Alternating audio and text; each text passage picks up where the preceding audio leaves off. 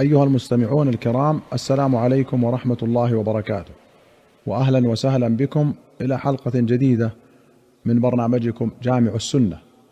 ولم نزل في كتاب اللباس والزينة. أخرج البخاري ومسلم رحمهما الله عن أبي هريرة رضي الله عنه قال نهى رسول الله صلى الله عليه وسلم عن لبستين اشتمال الصماء وهو أن يجعل ثوبه على عاتقه فيبدو أحد شقيه ليس عليه ثوب. أو أن يشتمل على يديه في الصلاة. واللبسة الأخرى احتباؤه بثوبه وهو جالس ليس على فرجه منه شيء. اشتمال الصماء عند اللغويين أن يشتمل بالثوب حتى يجلل به جسده فلا يبقى ما يخرج منه يده. وعليه يكره الاشتمال لئلا تعرض له حاجة من دفع الهوام أو غير ذلك فيعجز فيلحقه الضرر. وعند الفقهاء هو أن يشتمل بثوب ليس عليه غيره ثم يرفعه من أحد جانبيه فيضعه على أحد منكبيه. وعلى هذا يحرم أن انكشف به بعض العورة وإلا فيكره. والاحتباء أن يقعد على أليتيه وينصب ساقيه ويشدهما إلى ظهره بثوب أو بيديه فإن انكشف معه شيء من عورته فهو حرام.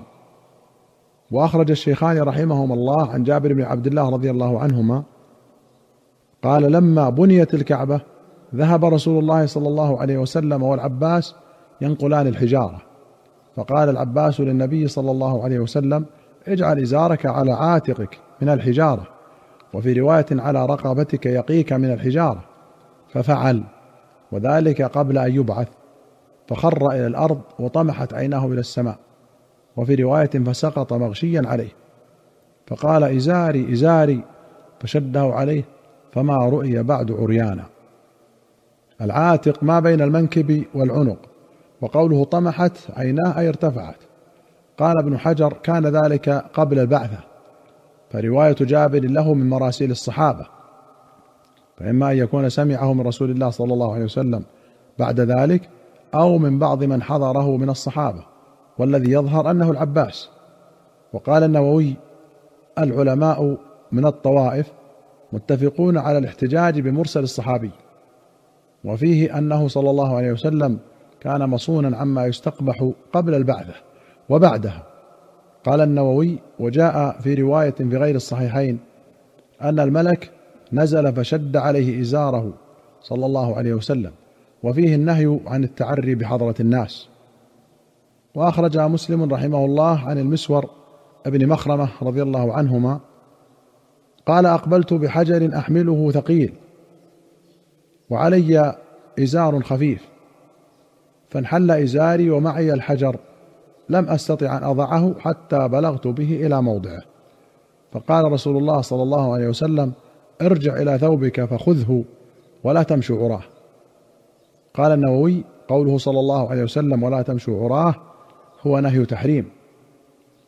وأخرج مسلم عن أبي سعيد رضي الله عنه أن النبي صلى الله عليه وسلم قال لا ينظر الرجل إلى عورة الرجل ولا المرأة إلى عورة المرأة ولا يفضي الرجل إلى الرجل في ثوب واحد ولا المرأة إلى المرأة في ثوب واحد. وفي رواية عرية مكان عورة. معنى أفضى إليه ألصق جسده بجسده. وأصل الإفضاء الوصول. قال تعالى وكيف تأخذونه؟ وقد أفضى بعضكم إلى بعض. قال النووي ونقله عنه ابن حجر فيه تحريم نظر الرجل إلى عورة الرجل والمرأة إلى عورة المرأة وهذا حرام بالإجماع. ويستثنى الزوجان فلكل منهما النظر إلى عورة صاحبه إلا أن في السوءة اختلافا والأصح الجواز لكن يكره حيث لا سبب.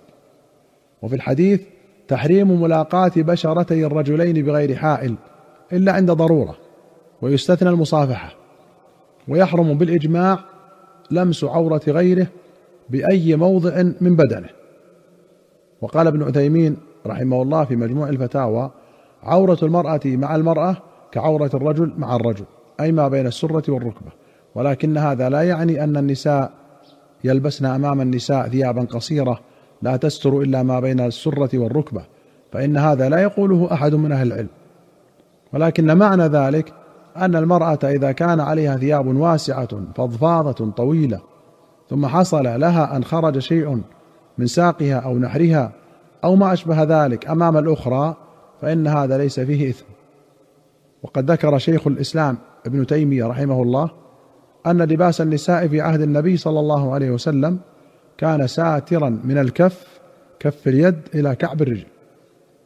ومن المعلوم أنه لو فتح للنساء الباب في تقصير الثياب للزم من ذلك محاذير متعددة وتدهور الوضع إلى أن تقوم النساء بلباس بعيد عن اللباس الإسلامي شبيه بلباس الكفار.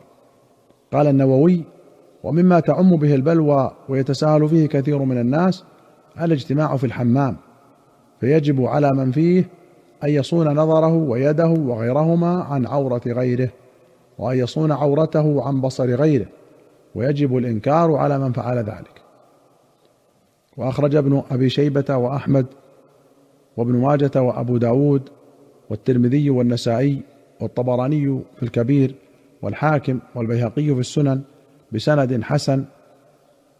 قال ابن أبي شيبة حدثنا يزيد بن هارون حدثنا بهز بن حكيم عن أبيه عن جده قال قلت يا رسول الله عوراتنا ما نأتي منها وما نذر؟ قال احفظ عورتك إلا من زوجتك أو ما ملكت يمينك. قلت يا رسول الله إذا كان القوم بعضهم في بعض قال إن استطعت ألا يراها أحد فلا يرينها. قلت فإذا كان أحدنا خاليا قال الله أحق أن يستحيا منه. قال النووي وأما كشف الرجل عورته في حال الخلوة بحيث لا يراه آدمي فإن كان لحاجة جاز وإن كان لغير حاجة ففيه خلاف في كراهته وتحريمه. والأصح عندنا أنه حرام. قوله الله أحق أن يستحيا منه. قال ابن تيمية رحمه الله فإذا كان هذا خارج الصلاة فهو في الصلاة أحق أن يستحيا منه. فتؤخذ الزينة لمناجاته سبحانه. ولهذا قال ابن عمر لغلامه نافع لما رآه يصلي حاسرا أرأيت لو خرجت إلى الناس كنت تخرج هكذا؟ قال لا. قال فالله أحق من يتجمل له. أيها المستمعون الكرام إلى هنا نأتي إلى نهاية هذه الحلقة. حتى نلقاكم في الحلقة القادمة إن شاء الله. نستودعكم الله. والسلام عليكم ورحمة الله وبركاته.